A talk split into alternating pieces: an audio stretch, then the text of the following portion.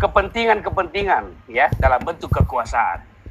Benar memang COVID-19 pada saat pertama kali muncul adalah sebuah persoalan, tetapi oleh berbagai pihak itu kemudian menggunakan momentum ini di dalam rangka uh, melanggengkan kekuasaannya. Sehingga kita patut curiga ada apa ini? Apalagi di tengah model-model penanggulangan yang ada hari ini saya kira itu uh, cukup banyak perdebatan-perdebatan yang kita saksikan di berbagai media yang sesungguhnya itu tidak perlu. Kita sibuk berdebat dalam konteks konsep penanggulangan pada sisi lain terus ini juga sibuk untuk menyebarkan dirinya, ya, menyebar luaskan dirinya.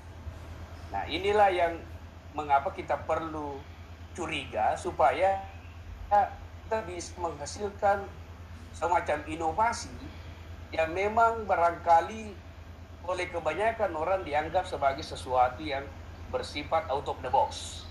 Perlu barangkali saya tegaskan ya pada teman-teman sekalian karena ini forum berbagi yang cukup efektif ya, yang cukup uh, baik menurut saya bahwa cara berpikir dalam paradigma kritis itu uh, selalu dianggap itu epistemologi kiri ya, epistemologi kiri oleh uh, kaum ilmuwan. Karena memang karakter berpikirnya itu out of the box berbeda dari yang mainstream. Uh, lalu kemudian sering kali dianggap sebagai sesuatu yang uh, perlu dicurigai gitu. Tetapi di sisi kelemahannya ini pada saat yang bersamaan sesungguhnya juga merupakan sisi kekuatan sehingga dengan paradigma kritis yang kita coba jadikan sebagai peralatan analisis di dalam melihat realitas COVID-19, mungkin kita bisa melahirkan inovasi-inovasi yang selama ini barangkali belum kita pikirkan sebagai sesuatu pemikiran ideal. Coba kita bayangkan bagaimana eh, cara-cara penanggulangan yang selama ini kita saksikan atau mungkin kita lakukan itu barangkali hanya merupakan sebuah hasil konstruksi yang sudah terjadi di tingkat global. Hampir model-model prevention yang ada hari ini itu paling mengikuti model Wuhan, model Korea Selatan, model-model yang sudah pernah e, negara lain terapkan, tetapi kita tidak pernah mencoba untuk berdiri sejenak keluar daripada pusaran pemikiran itu, lalu kemudian mencoba memotret realitas kita secara objektif berdasarkan konteks yang kita hadapi. Untuk konteks Indonesia, saya pikir uh, harus mungkin kita akui secara bersama bahwa kita sudah terlambat. Karena kita sudah terlambat, maka model-model katakanlah tracing konteks yang coba dijadikan sebagai salah satu sarana untuk menelusuri uh, apalagi namanya risk population populasi-populasi berisiko dalam rangka uh, pengendalian itu mungkin sudah perlu dibaca ulang. Mungkin hari ini kita sudah harus menyimpulkan bahwa semua orang sudah covid. Semua orang sudah covid oleh karena uh, beberapa pakar mengatakan bahwa di Indonesia itu bukan di Februari kasus nolnya. Tetapi mungkin itu sudah terjadi sejak Desember. Ketika Wuhan di bulan November itu 17 November pertama kali mengungkapkan kasus. Tetapi pada bulan-bulan Januari secara historis itu kalau kita dengar dari beberapa pakar katakanlah siapa yang paling banyak kita lihat di media ini? Propandu ya, Propandu. Misalnya itu yang paling banyak memberikan uh, apalagi namanya, yang paling banyak mengungkap wacana di media itu, dia memang mengatakan bahwa Indonesia, aduh apa, kita sudah terlambat, gitu. Oleh karena itu maka uh, harus kita kembangkan berbagai asumsi-asumsi, yaitu. Nah, saya kira seperti Prof. Pandu dan lain sebagainya, dia juga berusaha untuk menampilkan satu wacana yang berdimensi kesehatan. Prof. Ridwan, Bang Prof, juga sering berteriak dalam konteks wacana yang berdimensi kesehatan. Tetapi hampir-hampir wacana-wacana kesehatan ini tersubordinasi oleh wacana politik dengan wacana ekonomi. Jadi saya mengidentifikasi di berbagai media itu ada tiga wacana yang berkontestasi secara aktif ya wacana ekonomi, wacana politik dan wacana kesehatan. Anehnya dalam kontestasi wacana ini wacana kesehatan selalu tersubordinasi dalam beberapa kasus bahkan wacana kesehatan malah dikomodifikasi oleh kepentingan-kepentingan politik dan kepentingan ekonomi. Saya tidak terlalu yakin kebijakan PSBB itu semata-mata untuk kesehatan. Oleh karena beberapa sinyalemen yang bisa kita jadikan sebagai itu untuk mencurigai itu katakanlah perpres yang keluar yang memberikan kelonggaran anggaran kepada pemerintah untuk menggunakan sejumlah resources secara bebas dalam rangka upaya penanggulangan COVID. Tetapi dalam logika public health apa yang kita lakukan adalah sebuah ya menurut saya harus berani mengatakan sebuah ketololan. Hari ini orang baru dilarang mudik tanggal 24 kalau saya tidak salah. Tapi virus tidak mengatakan bahwa nanti tanggal 24 saya menyebarkan apa saya replikasi diri saya dan menginfeksi host seandainya virus bisa dikalkulasi seperti itu, maka kita bisa melakukan pembatasan seperti itu. Nah, logika-logika ini kan tidak masuk akal. PSBB misalnya, ya, dalam aturan perwali khusus Makassar, mungkin juga di Jakarta, mungkin juga di Jabodetabek, beberapa memang tempat sudah dibatasi, tapi tempat-tempat lain tidak dibatasi, seperti misalnya Pak pasar tradisional masih diizinkan supermarket masih diizinkan tempat-tempat tertentu masih diizinkan itu berarti bahwa masih ada tempat-tempat kerumunan yang memungkinkan terjadi apa peluang terjadinya infeksi itu terjadi. Peluang terjadinya penularan itu berkembang ya itu e, meskipun di tempat lain kita batasi tapi di tempat lain di tempat tertentu kita longgarkan maka pola interaksi dan interrelasi manusia inilah yang akan menembus batas-batas di mana tempat itu. Anggaplah misalnya rumah-rumah kita. Kita disuruh stay at home tapi beberapa anggota keluarga tetap ke pasar tradisional mereka inilah yang menjadi carrier. Sehingga bisa kita katakan ada salient carrier ya, yang terus menerus aktif dalam arena sosial kita sehingga membuat virus ini uh, tidak bisa lagi kita kendalikan. Sehingga kita bisa mengatakan bahwa sesungguhnya kalau mau kita tidak stres, kita harus dilepas. Karena nanti karena ada upaya yang solusinya menurut logika Kismas ketika kita melihat apa berasumsi bahwa semua orang sudah COVID-19 karena ada juga sebenarnya ini sisi kelapa seperti kesalahan yang cukup tinggi. Tiongkok itu 98, sekian persen sembuh ini. Sehingga kita tidak perlu khawatir. Ya itu. Nah, saya kembali ke kontestasi wacana. Bagaimana formasi wacana menentukan, ya anggaplah menentukan kebijakan. Ketika uh, wacana politik mendominasi, tampil dominan dengan mengelakkan wacana kesehatan, ya hasilnya adalah PSBB. Ketika wacana ekonomi mengalahkan wacana kesehatan, hasilnya adalah social distancing atau physical distancing.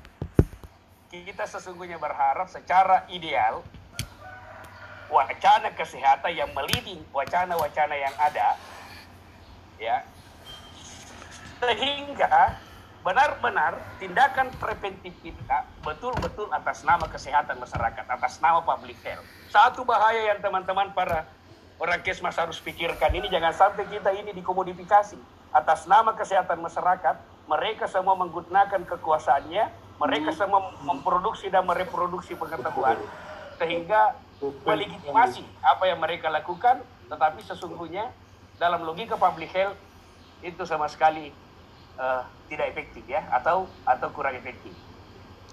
Yaitu uh, kontestasi wacana ini tentu spiritnya adalah kompetitif dan siapa pun yang meliding sesungguhnya juga uh, tidak terlalu memberikan juga apalagi namanya ini uh, sebuah upaya yang mungkin efektif ya kita berharap bahwa public health tampil dengan mengkolaborasi wacana ini secara sinergis wacana ekonomi, wacana politik, dan wacana kesehatan itu bersatu dalam satu wadah, ya, bekerja secara bersama dengan pendekatan holistik, sebagaimana karakter dasarnya public health itu.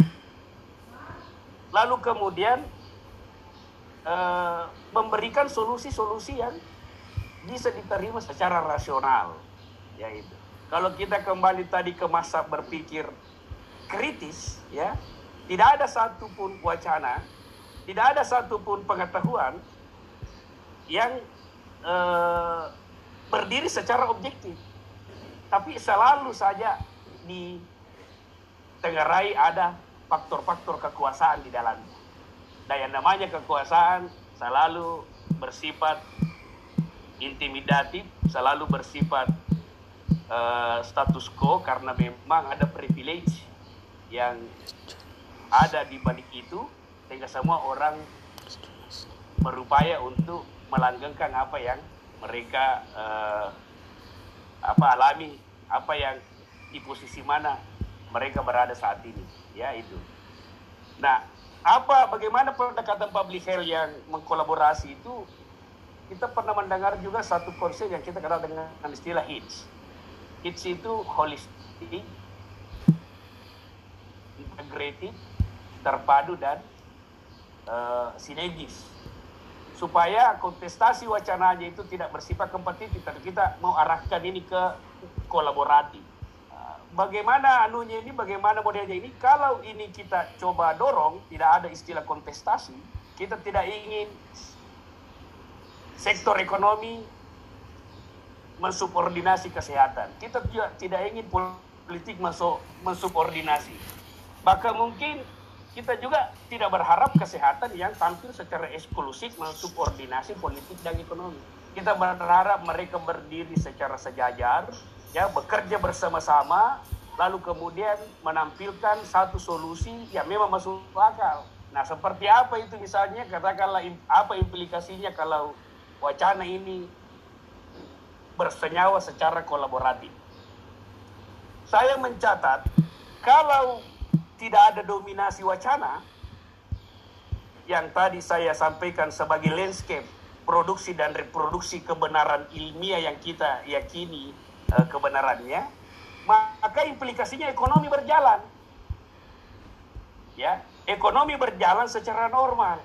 PSBB benar-benar melululantahkan seluruh aspek ekonomi, sekalipun ada wacana bantuan sosial, tapi bantuan sosial malah menjadi sarana penyebar luasan virus. Pembatasan malah menjadi wacana apa? Malah menjadi sarana penyebar luasan virus.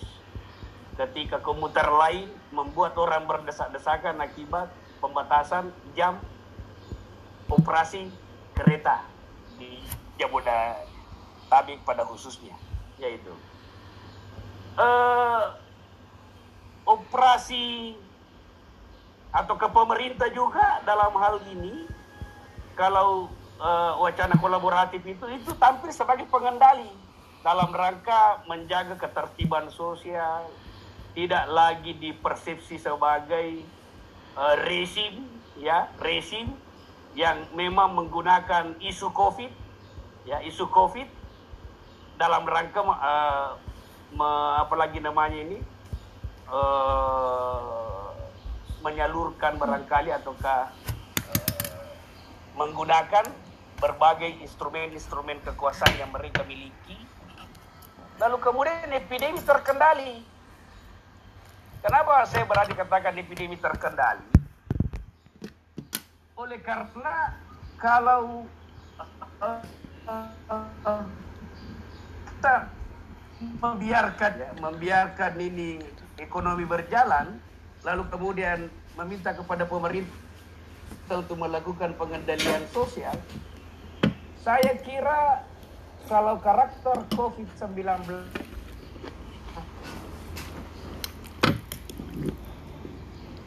Marlin, oh Marlin, ya, ya ya, terputus-putus. oh ya, Ya ya ya. Barangkali jaringan, Lanjut, Pak. Lanjut ya. oke, Ya, lima menit lagi. oke, oke. Jadi ekonomi berjalan, kita berharap perlu barangkali kita baca kembali status ODP orang dalam pemantauan PDP ya, terkonfirmasi apalagi ada istilah OTG supaya resources kita tidak terlalu banyak ke sana. Itulah tadi sesungguhnya maksud saya mengapa kita harus menganggap seluruh populasi ini harus COVID-19 supaya kita hanya fokus kepada yang confirm positif. Itu pun juga yang confirm positif, ya itu pun juga yang yang, confirm positif. Menurut saya hanya yang bergejala. Aduh, apa ini? Halo, masih kedengaran? Ya ya ya ya. Oke. Itu pun juga yang confirm positif, ya. Cukup dilayani oleh fasilitas rumah sakit hanya yang memiliki gejala utama, seperti misalnya yang sesak napas. Ya, Supaya resources ini fokus ke situ. Saya tidak ingin mengatakan bahwa eh, barangkali ini eh, Karlin ini barangkali ingin eh, meng, apalagi menginisiasi satu kon apalagi namanya eh, menginisiasi berjalannya konsep herd immunity ya populasi kelompok tidak. Saya tidak ingin mengatakan begitu. Saya sendiri punya konsep sendiri yang saya anggap eh, barangkali patut untuk kita eh, jadikan sebagai satu diskursus. Saya menyebutnya survival by the highest immune ya. Bahwa hanya mereka yang mampu bertahan dengan imunitas yang sangat kuat. Sehingga seluruh pemikiran public health kita kerahkan itu peningkatan imunitas. Karena karakter virus ini akan mati dengan sendirinya oleh oleh kekuatan imun. Kalau setiap individu kuat imunnya, saya kira meskipun ada virus, virus ini akan sembuh dengan sendirinya. Sehingga kita tidak perlu terlalu khawatir, kita tidak, tidak, tidak perlu terlalu takut terhadap pola, pola penularan yang ada karena bisa ketakutan, kekhawatiran itu adalah sengaja disetting untuk mengacaukan keadaan, ya. Sehingga kita orang-orang kesmas harus tampil di dalam meluruskan kesimpang siuran ini, ya. Sebut kesimpang siuran karena belum pernah ada satupun dalil yang kita gunakan dalam penanganan ini yang merupakan dalil yang kokoh selalu berubah-berubah. Bayangkan, dulu orang disarankan di disemprot disinfektan apa dis, disinfektan WHO tiba-tiba mengatakan itu berbahaya. Dulu yang pakai masker hanya yang sakit. Tiba-tiba semua harus pakai masker lagi. Itu. Dulu bersin dianggap gejala. Tiba-tiba diklaim lagi bahwa bersin bukan gejala COVID. Lantas apa yang benar? Variasi-variasi pengetahuan ilmiah yang hadir di publik membuat kita patut menggunakan paradigma kritis sebagai salah satu alat analisis untuk menelaah realitas ini.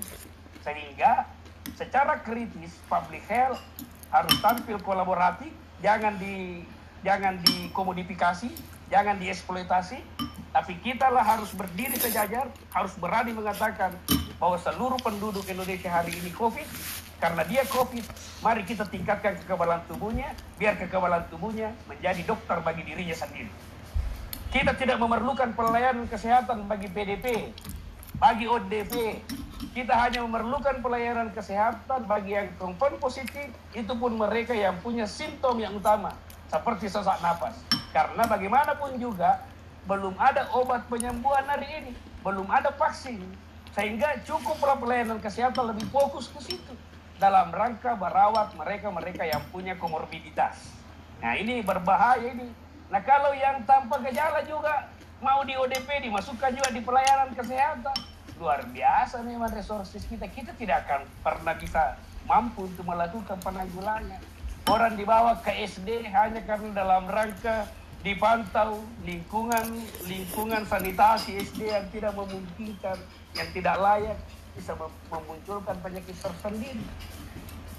Orang tidak apa-apa, ya orang tidak orang merasa tidak apa-apa. Jadi eh, tolong teman-teman sekalian, mari kita samakan sudut pandang diskusi. Saya katakan merasa, merasa dalam pengertian sakit penyakit secara subjektif bukan penyakit secara objektif. Meskipun alat tes mengatakan dia sudah COVID. Tapi kalau dia merasa tidak sakit, saya pikir ini yang perlu kita kelola dalam bentuk lain. Jangan lagi diisolasi, jangan lagi di karantina. Gitu. Kenapa saya katakan sakit secara subjektif? Karena paradigma kritis dia tidak tampil menurut ukuran objektivitasnya belaka, tapi dia mempertimbangkan juga ukuran subjektivitas kritis hadir menjembatani fakta objektif dan fakta subjektif. Sehingga debat antara realitas objektif dan realitas subjektif itu bisa didamaikan. Karena itu saya berani mengatakan bahwa paradigma kritis kemungkinannya relevan untuk kita telah secara bersama-sama sebagai pendekatan public health terbaru. Bukan herd immunity sebagaimana yang kita pahami selama ini, tapi yang saya katakan tadi survival by the highest immune. Jadi imunitas merupakan fokus wacana yang harus kita lempar supaya kita bersama-sama melakukan intervensi-intervensi dalam rangka meningkatkan imunitas seseorang sehingga pun ini sendiri yang akan menuntaskan, yang akan e, menghalangi replikasi virus di dalam tubuh manusia. Ya. Saya kira begitu Pak Idyar yang saya jadikan sebagai pengantar. Mohon maaf kalau uh, cara berpikir saya lain daripada yang lain karena memang dari awal saya sudah katakan bahwa up kritis dalam sosiologi itu sering dianggap pemikiran yang bersifat out of the box, di luar dari kelaziman, tapi keberanian untuk uh, menelaah lebih mendalam mungkin memberi peluang melahirkan adanya inovasi-inovasi yang boleh jadi lebih efektif dibandingkan dengan social distancing, PSBB, apalagi lockdown atau karantina ya. wilayah. Saya kira demikian ya. Pak, terima kasih banyak. Terima kasih banyak Maaf semua dan uh, siap untuk uh, ya. berdiskusi dengan semua teman-teman yang hebat. Terima kasih banyak Bro Marlin. Jadi uh, kami mohon Ibu Rini untuk menonaktifkan, men-off-kan screen share-share-nya share share share screennya Anda di pojok bawah Bu itu ya baik jadi saya kira Anda perlu uh, saya menyimpulkan secara keseluruhan hanya jelas bahwa Prof. Arlin tadi menyampaikan bahwa dalam uh, melihat uh, kontestasi wacana dalam realitas maka aliran masa kritis dalam ilmu sosiologi itu menjadi salah satu kebijakan yang bisa digunakan karena itu bisa akan membawa kita pada pembentukan inovasi baru dan beliau mengunci dengan pendekatan yang bisa digunakan dalam mencegah tersubordinasinya bidang kesehatan wacana kesehatan oleh wacana politik dan ekonomi adalah dengan holistik, integrate, terpadu dan sinergis. Jadi ini saya kira menjadi kunci dari apa yang disampaikan Prof. Arlin tadi uh, beliau juga menyampaikan bahwa PSBB uh, eh, belum bisa uh, menjadi satu yang bisa di dipaktuang saya kira begitu diandalkan untuk bisa mencegah ini. Baik, uh, selanjutnya kami persilakan Pak Teddy Wirahmadi untuk menyampaikan uh, materinya dari Australia. Silakan Pak Habibie. Yep. Uh, suara saya kedengaran Pak? Yes. Ya, ya. Baik. Uh, Bismillahirrahmanirrahim. Assalamualaikum warahmatullahi wabarakatuh. Salam. Selamat malam dari Brisbane. Selamat sore di Makassar. Uh, salam kenal untuk teman-teman yang baru pertama kali berjumpa. Ini banyak uh, senior-senior saya, guru saya, termasuk Prof. Arlin, uh, Pak Dekan, ada Prof. Fitri, ada Prof. Ridwan, uh, ada Bang Ansariadi juga uh, termasuk menjadi salah satu panelis.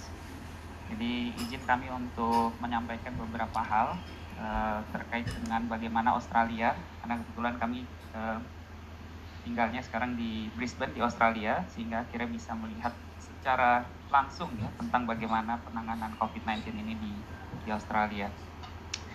Uh, Tabe, uh, Tabe ini saya karena sudah sering kali ke Makassar sama Prof. jadi saya saya tahu Tabe sama beleng-beleng kalau dari eh, beleng-beleng.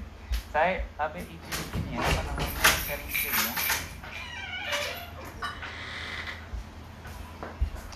Oke. Okay.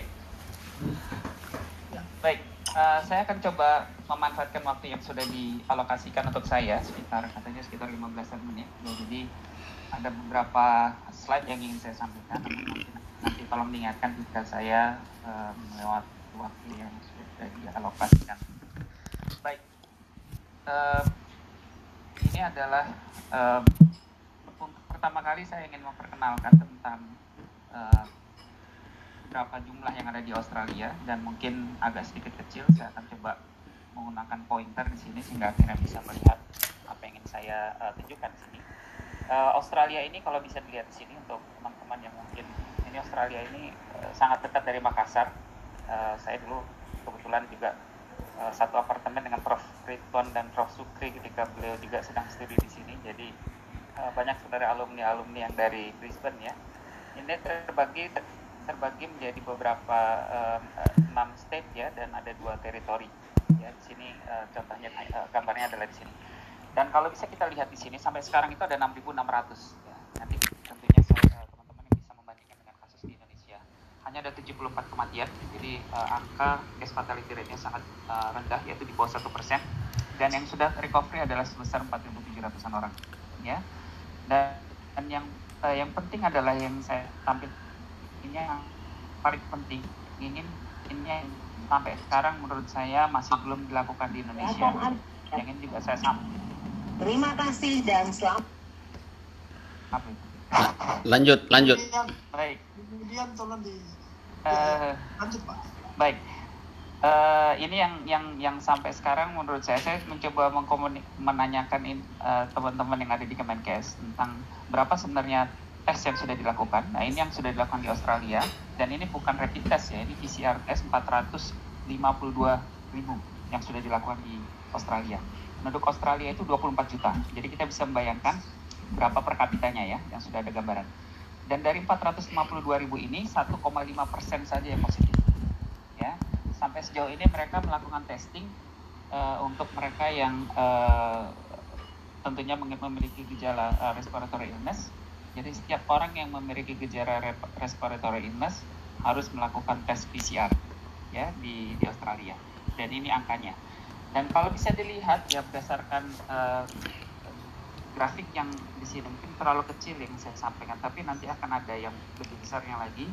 Angka baru ya uh, incidence rate itu semakin hari semakin kecil, sehingga akhirnya pada hari ini uh, sudah dikatakan oleh perdana menteri bahwa uh, memang sudah uh, berhasil untuk flatten the curve uh, untuk menurunkan angka uh, kasus, sehingga akhirnya mereka uh, bukannya meringankan social distancing, tapi memilih karena kan kemarin uh, elective elective surgery itu dihentikan semuanya, jadi uh, pelayanan uh, gigi dan sebagainya semuanya dihentikan, uh, kecuali uh, namanya beberapa hal yang mungkin sifatnya emergency. Nah sekarang mungkin ada beberapa uh, elective surgery yang sudah mulai uh, akan diperbolehkan, tapi ini akan ada dievaluasi uh, sampai minggu depan. Sekarang masih semuanya masih tidak boleh dilakukan.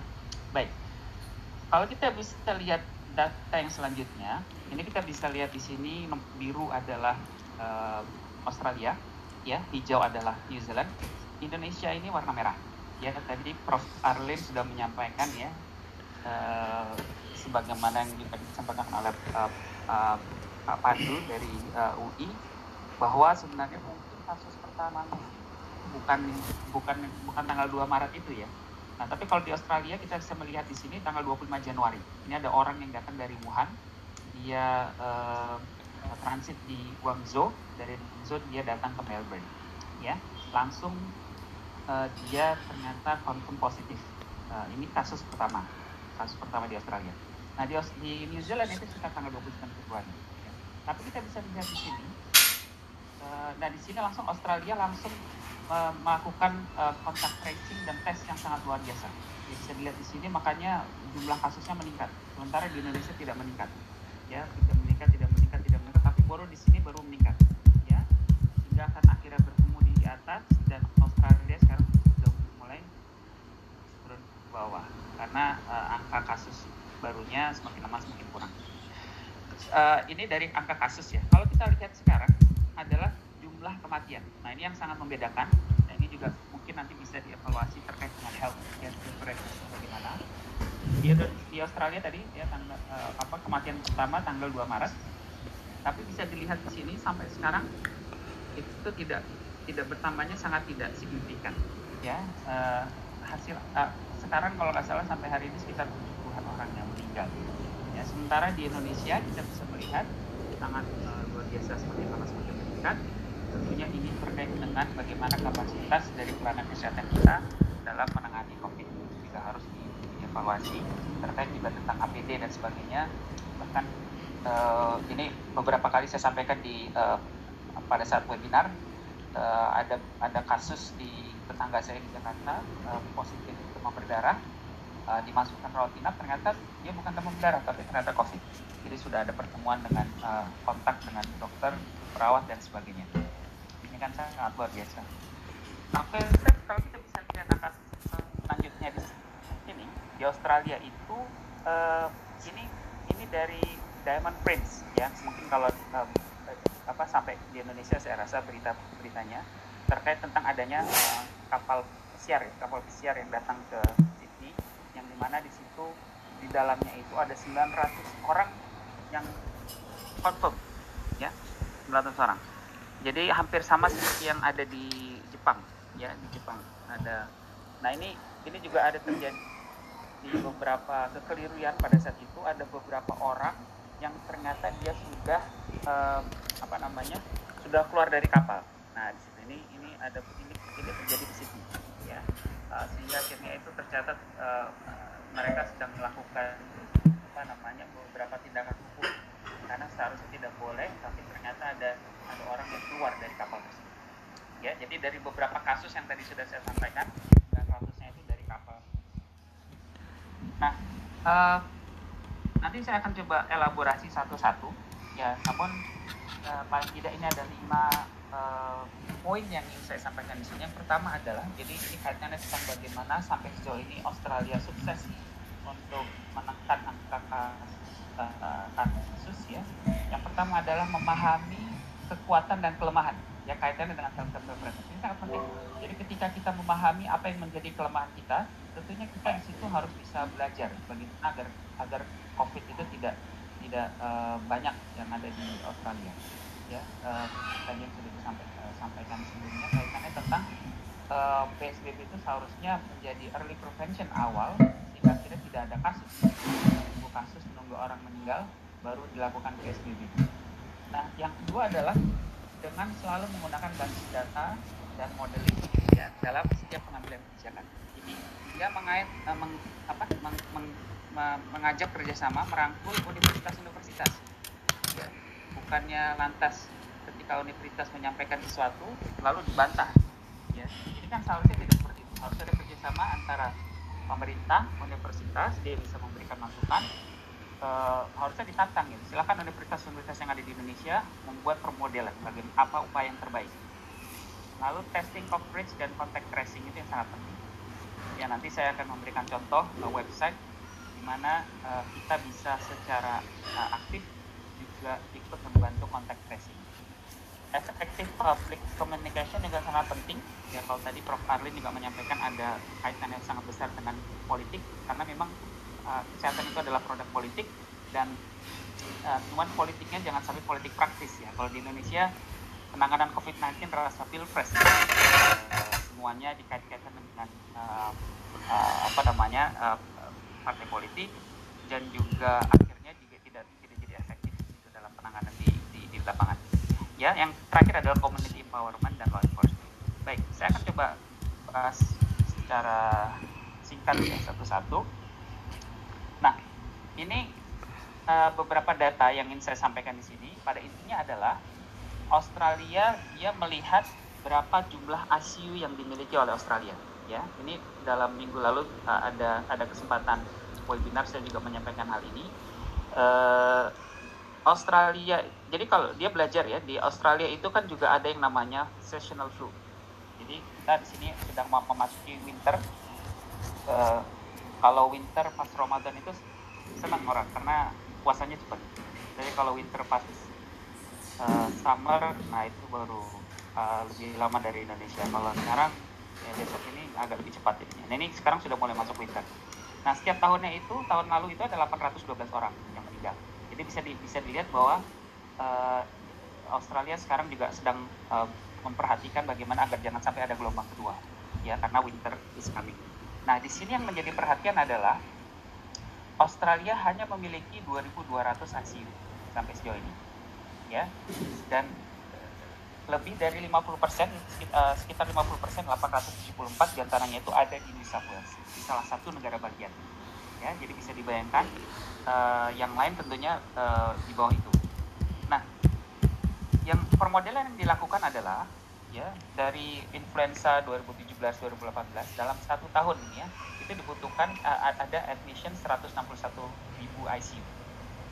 Nah, mereka memperhitungkan kalau COVID-19 ini menginfeksi 20 persen, ya itu bisa dilihat ada 256. Mereka bisa melihat di sini uh, setahunnya mereka punya kapasitas hanya 200 ribu admission. Jadi mereka punya kapasitas yang dibiarkan di sini. Nah, uh, sehingga akhirnya mereka melihat ya uh, apa sebenarnya kelemahan yang mereka miliki, sehingga dalam penjelasan dalam masyarakat itu mereka jelas apa strategi yang akan diambil. Ya, nanti di slide selanjutnya nanti akan kita lihat bagaimana uh, upaya Australia sehingga akhirnya angka kebutuhan ICU ini tidak melebihi dari kapasitas yang yang di yang yang ada di Australia. Dan kalau tadi teman-teman masih ingat di atas ya, di atas itu kalau nggak salah ICU jumlah jumlah uh, kebutuhan ICU-nya itu hanya sekitar kalau nggak salah saya sekitar 47. Jadi sampai sejauh ini tanggal ini tanggal 23 ini ada hanya ada 47 orang yang ada di ICU saat ini terkait dengan COVID-19. Jadi kan angkanya sangat kecil sebenarnya kalau dilihat dari 2.200 kapasitas yang dimiliki di Australia. Nah, uh, saya tidak akan detail di sini. Uh, cuman ini adalah beberapa timeline ya dari aktivitas yang di, di, di, diambil di, dilakukan oleh Australia.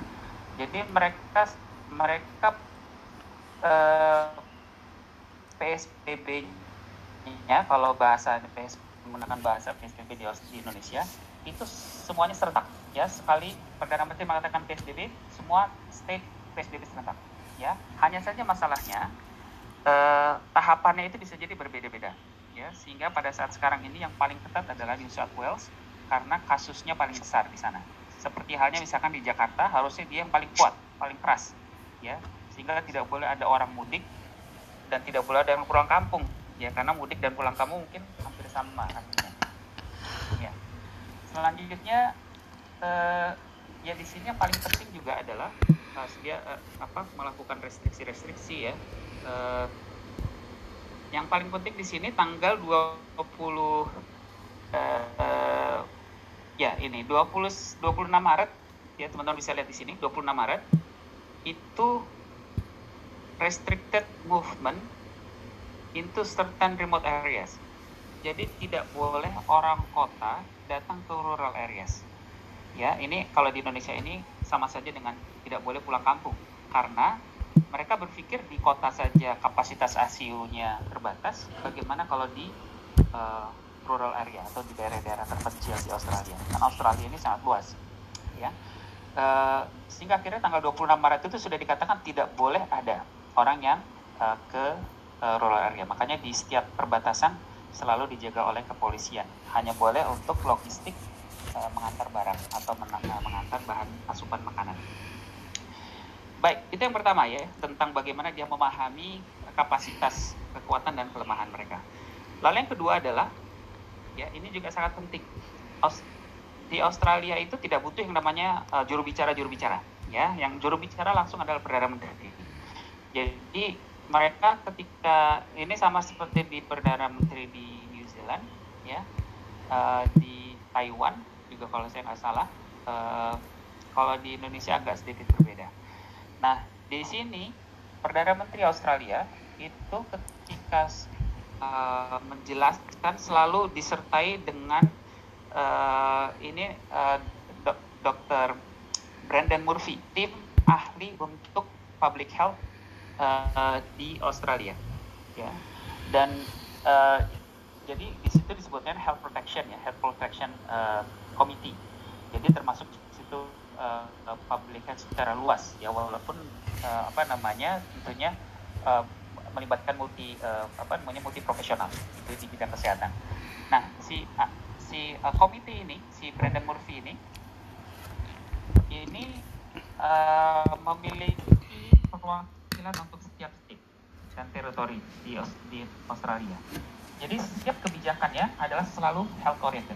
Walaupun tentunya juga tidak bisa dipungkiri ada kaitannya dengan ekonomi dan sebagainya, tapi selalu yang menjadi fokus utama adalah uh, kesehatan. Gitu ya. Kita masih kalah sebenarnya dengan Selandia Baru.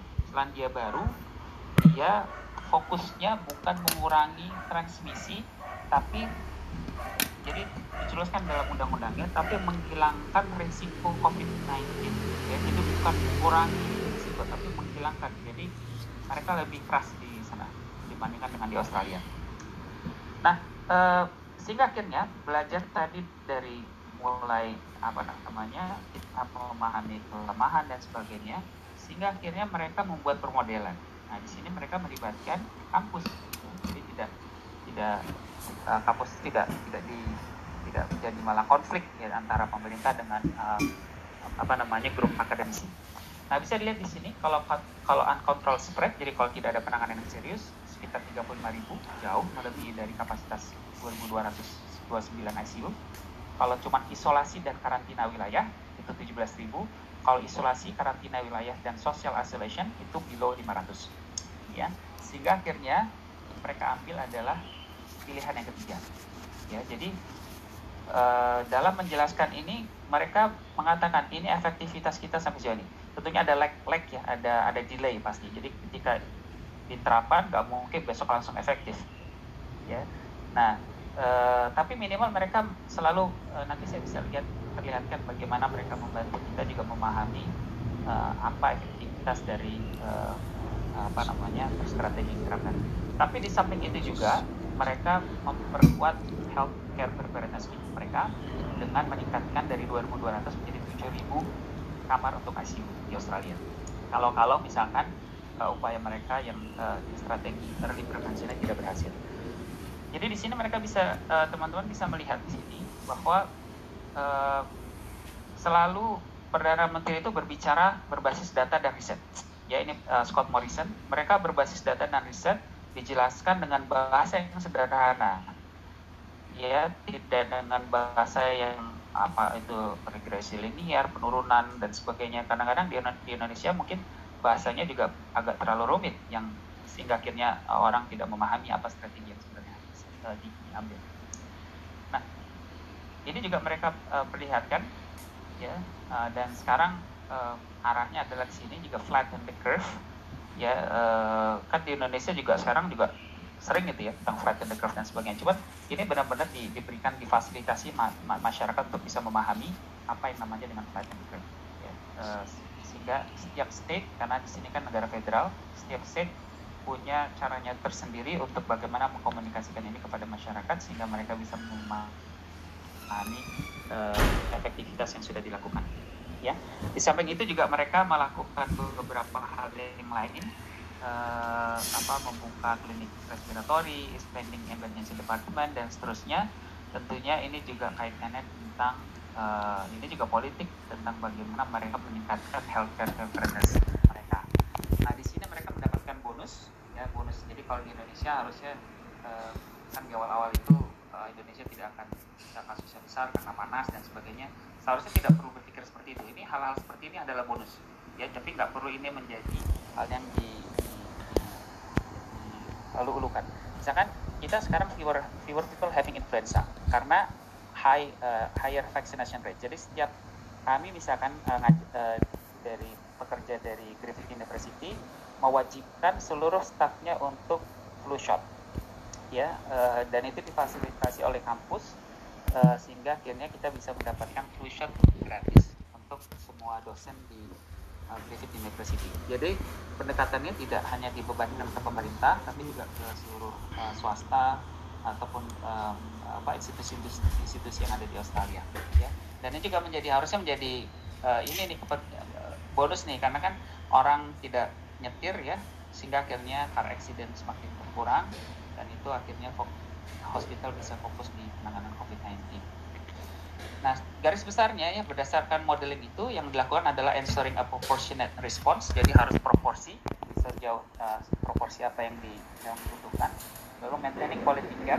Nah, yang penting nanti yang selanjutnya adalah engage, empower, and build confidence in the community. Jadi masyarakat itu harus confidence, ya, jangan nanti akhirnya mereka kehilangan kepercayaan kepada pemerintah. Dan yang penting adalah ini, kalau bahasa Indonesia-nya adalah jangan sampai adanya uh, tarik ulur antara pusat dan provinsi misalkan gitu ya. Ini tugasnya siapa, ini uh, bagaimana dan sebagainya, ini tidak boleh. Ya harus ada koordinasi yang konsisten di antara semua. Nah ini kita bisa lihat di sini uh, memang agak sedikit jauh ya antara Indonesia kalau dibaca ini karena ini percentage of symptomatic cases reported for countries. Jadi di Indonesia ini kalau bisa dilihat artinya sekitar 10 sampai 30 persen saja sudah dilaporkan dari uh, kasus yang positif. Ya, kalau di Australia uh, itu uh, lebih dari hampir sekitar 60 persen sampai 100 persen. Ya, walaupun ini uh, penelitian ini harus selalu dilihat ya sejauh mana uh, apa namanya kevaliditasannya tapi kalau kita bisa lihat saja sebenarnya kalau dari Indonesia sebenarnya kalau sekarang ada kasus positif misalkan katakanlah ada seribu maka harusnya bisa dikalikan. Uh, ya uh, berapa tadi? Apalagi tadi Prof. Arin juga sudah mengatakan harusnya semua sudah covid ya dan sebagainya itu sebenarnya mungkin kasus yang positif sebenarnya sudah jauh jauh di atas dari apa yang dilaporkan oleh pemerintah. Baik nah ini penting ini karena kontak tracing ini saya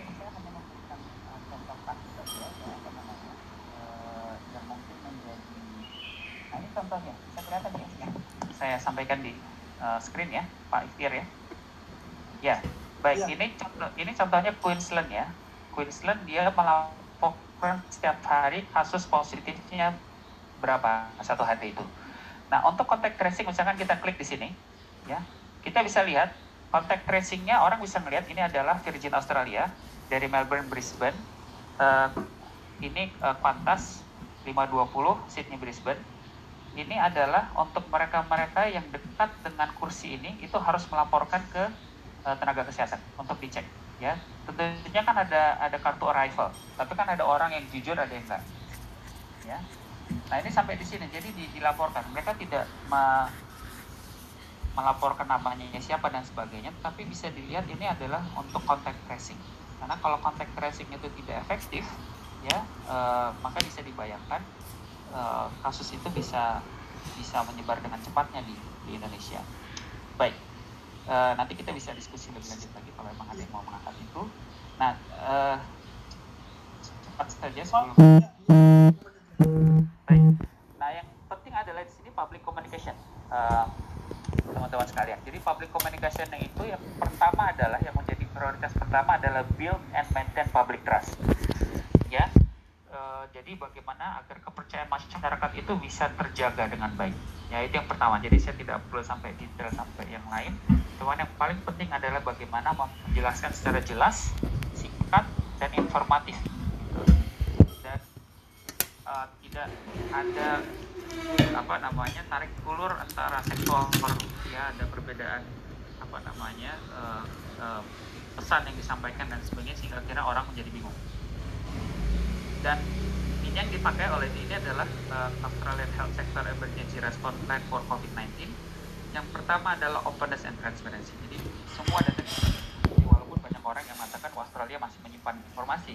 Ya tapi sejauh ini saya melihat bahwa memang itu sudah informasi yang mereka mereka keluarkan buat masyarakat.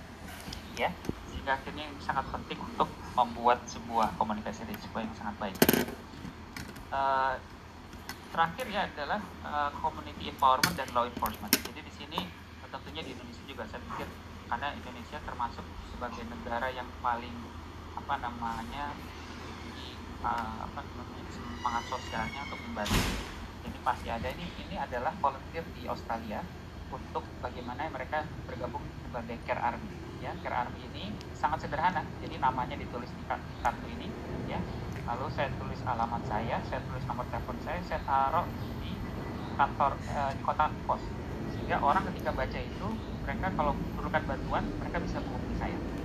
Ya saya termasuk eh, mendaftarkan diri untuk sebagai relawan eh, karena ingin mempelajari sistem mereka seperti apa ya.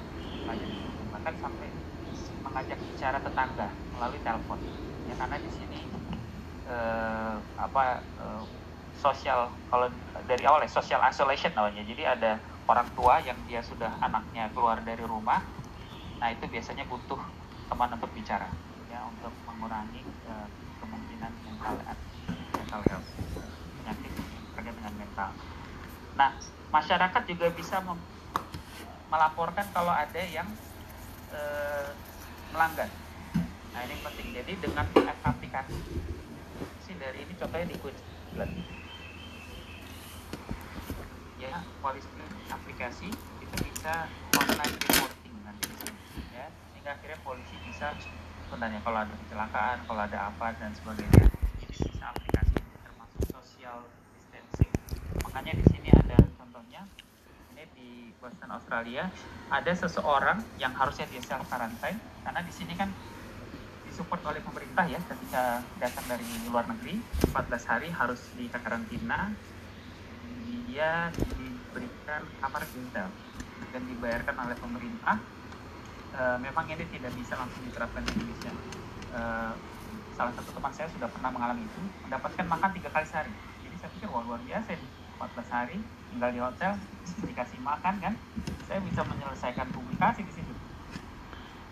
Nggak perlu mikirin lain. Ini karena 50 ribu? ini Western Australia karena dia diam-diam keluar untuk ketemu dengan pacarnya. Nah ini jadi mau pacar juga harus harus harus lihat-lihat waktu ini. Dia dapat denda 50 ribu ketahuan. Nah ini ada ada keluarga yang juga didenda di sini karena merayakan ulang tahun anaknya. Ya dia melakukan ulang tahun mengundang tetangga orang datang ke situ kelihatan dari luar tamu lebih dari satu di foto ke polisi polisi datang didenda eh, mungkin itu ya. Terakhir saya ingin menyampaikan ini mungkin pesan penutup saja. Eh, tentunya kan COVID-19 ini membuka cakrawala kita membuka mata hati kita sebenarnya. Tidak hanya membuka mata fisik kita tapi mata hati kita terbuka bahwa kita harus lebih berpikir bagaimana caranya agar kesehatan yang kita upaya-upaya kesehatan masyarakat yang kita lakukan harus juga berdampak positif untuk lingkungan dan juga kesehatan hewan. Jadi makanya ini bagaimana sebenarnya primary health dan one health approach. Itu kan uh, Unhas juga sangat uh, health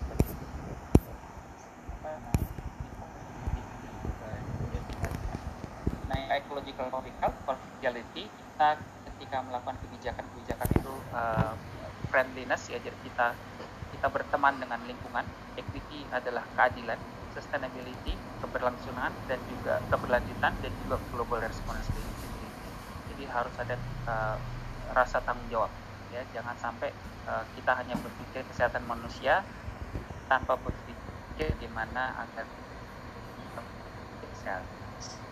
Demikian mungkin